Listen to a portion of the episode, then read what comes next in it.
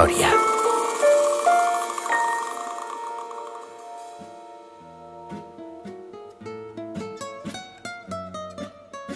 Si ara mateix us demanéssim que ens diguéssiu coses de Mèxic, sabríeu que contestar-nos? És molt probable que alguns ens parléssiu del menjar, oi que sí? Tacos, burritos, fajitas, guacamole... Alguns potser destacaríeu la seva música tradicional amb les ranxeres i els mariachis, o cantants famosos com Chabela Vargas o Luis Miguel.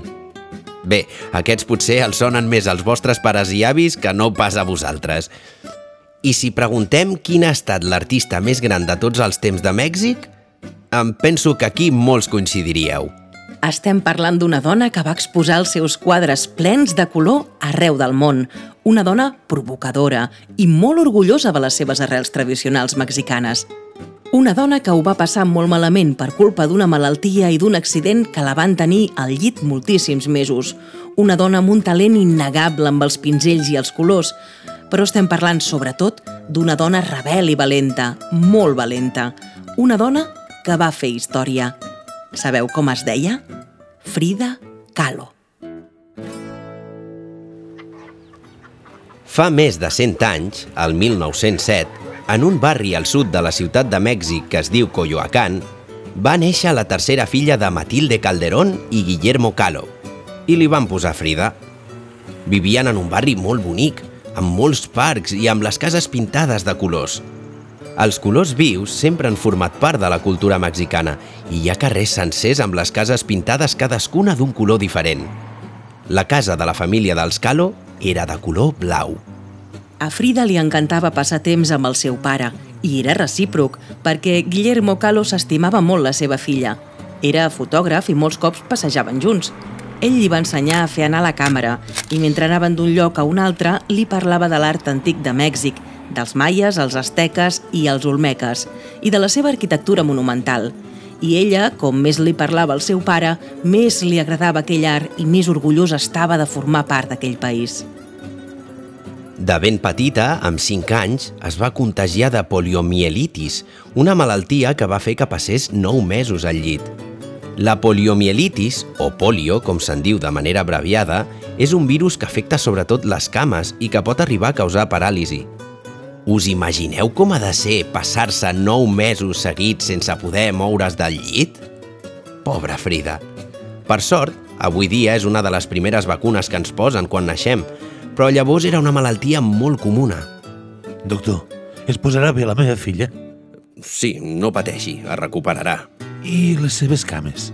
Tornarà a caminar? Podrà caminar, però li quedaran seqüeles. El doctor tenia raó. La pòlio li va deixar una cama més curta, més prima i el peu deformat.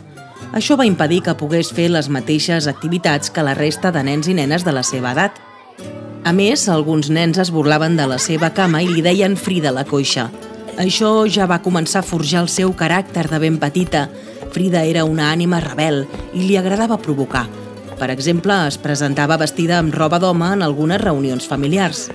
Frida, on vas vestida així? Aquesta roba és d'home? I ben guapa que estic. Als 15 anys va entrar a l'Escola Nacional Preparatòria de Mèxic, la institució més prestigiosa del país. Era el primer any que hi podien anar les noies, però com que havia tingut una mala experiència a l'escola amb els nens que la insultaven de petita, ja va entrar al nou centre sense ser gaire bona nena. Allà, les seves trapelleries la van convertir en la líder d'un grup de nois rebels anomenat Los Cachuchas, amb qui va fer moltes malifetes. Frida anava creixent sempre amb aquest esperit rebel i provocador, però li va passar una cosa que canviaria per sempre la seva vida. Tenia 18 anys i un dia tornant cap a casa de l'institut, l'autobús en què anava va tenir un accident amb un tramvia.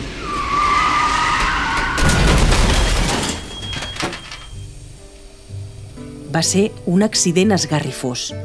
Per sort, no va morir, però es va trencar la columna vertebral i una pila d'ossos.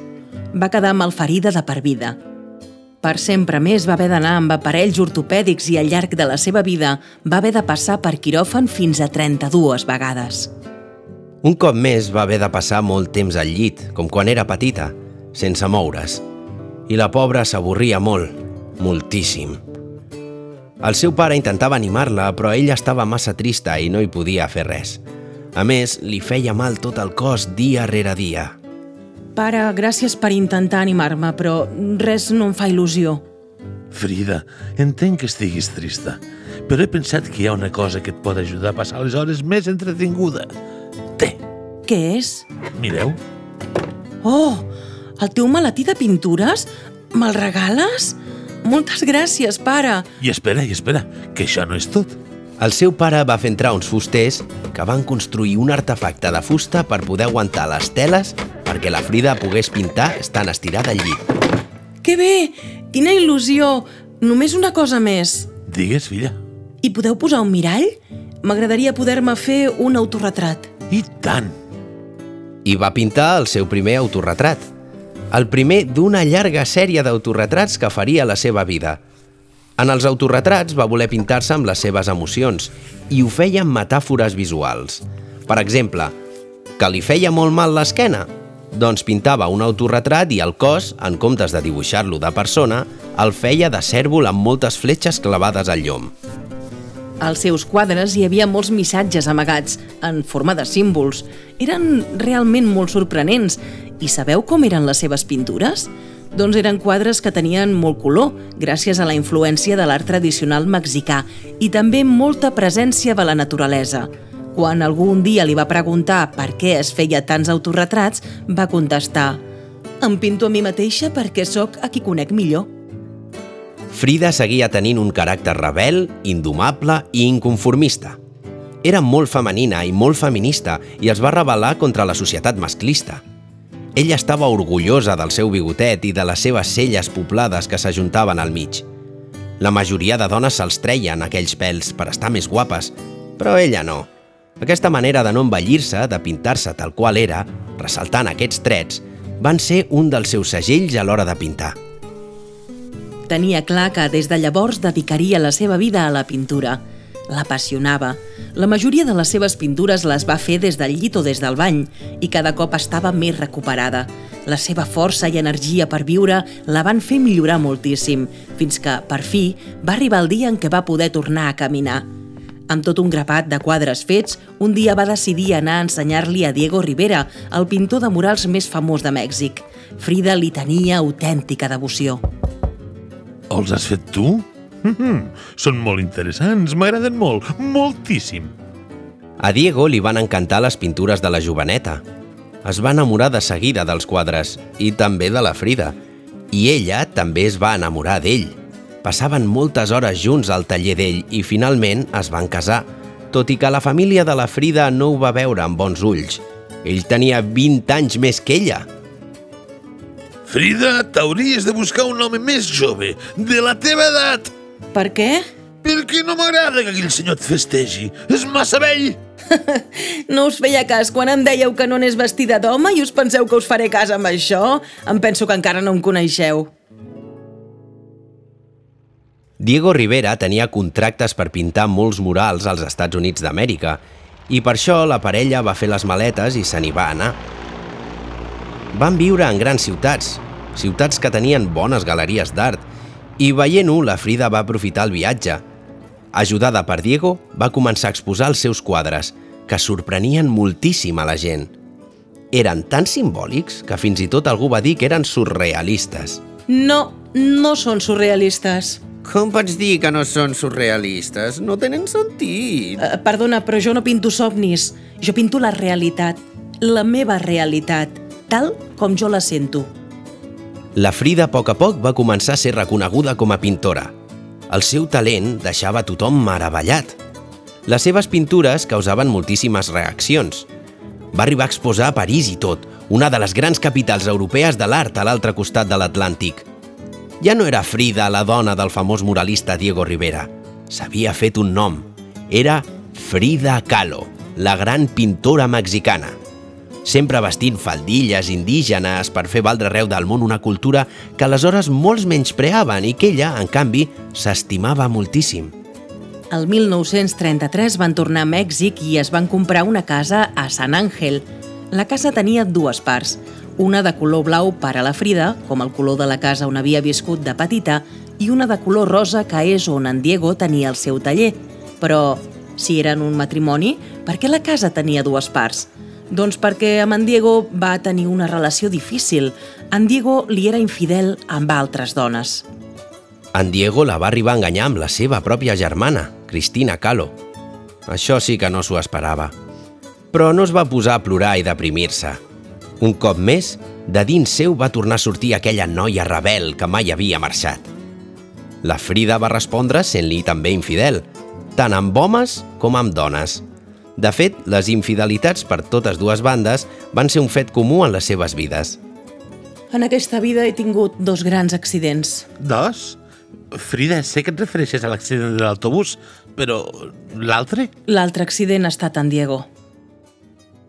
L'any 1939, la Frida tenia 32 anys i en Diego més de 50 i van decidir que el millor que podien fer era divorciar-se. I un cop més, Frida va pintar un quadre per expressar com se sentia. És un dels seus quadres més famosos, Les dues Frides. Al quadre s'hi veu a ella dues vegades, una amb vestit tradicional mexicà i l'altra amb un vestit blanc més europeu. I els cors de les dues Frides estan connectats l'una a l'altra per una vena. El cor de la Frida mexicana apareix ple i el de la Frida europea s'està quedant sense sang. Era una forma de dir que renunciava a aquella vida que li havia ofert el seu exmarit.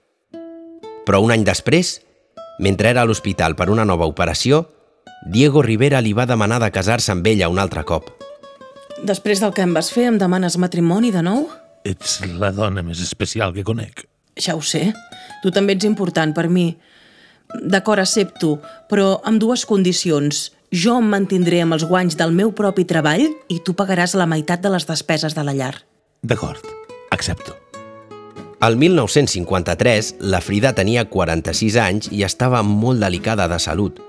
De fet, ja quasi ni es movia del llit. I a la capital de Mèxic es va fer una exposició de les seves pintures. I vull anar. Però, Frida, estàs molt dèbil. Si quasi no et pots moure del llit. No em diguis què puc fer i què no. I vull anar i hi aniré. Són les meves pintures i he de ser. Era impossible que la Frida anés a la inauguració de l'exposició. Si no s'aguantava d'en peus. Doncs hi va anar. Sabeu com? Una ambulància la va portar a l'exposició i amb una petita grua la van portar amb llit i tot. Imagineu-vos-la, allà al mig, estirada al seu llit, rebent els convidats a l'exposició. Només ella era capaç d'una cosa així. Un any després, la seva salut va acabar d'empitjorar del tot i el seu cos, fortament maltractat tota la vida per culpa d'aquell terrible accident, no va aguantar més i va morir. Des de ben petita la seva vida havia estat marcada pel dolor i el patiment, però va ser forta i es va aferrar a la vida amb les coses que li agradaven i la feien feliç. La natura, les persones i els animals que s'estimava, la seva passió per la pintura i pel seu país, Mèxic. Frida Kahlo va ser considerada al llarg de la seva vida una figura icònica del feminisme a causa de les seves contínues mostres d'autosuficiència, valentia i fortalesa. Actualment segueix sent recordada com un gran exemple i una gran defensora dels drets de les dones, motiu pel qual és una de les figures femenines més homenatjades cada 8 de març. És, sens dubte, la mexicana més important de tots els temps. Una dona rebel que va fer història.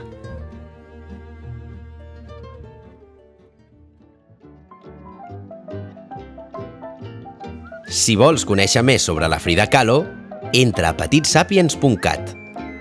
Endinsa't en la seva història amb els jocs interactius que trobaràs al web. Van fer història, un podcast de petits sàpiens Produït amb el suport de la Generalitat de Catalunya.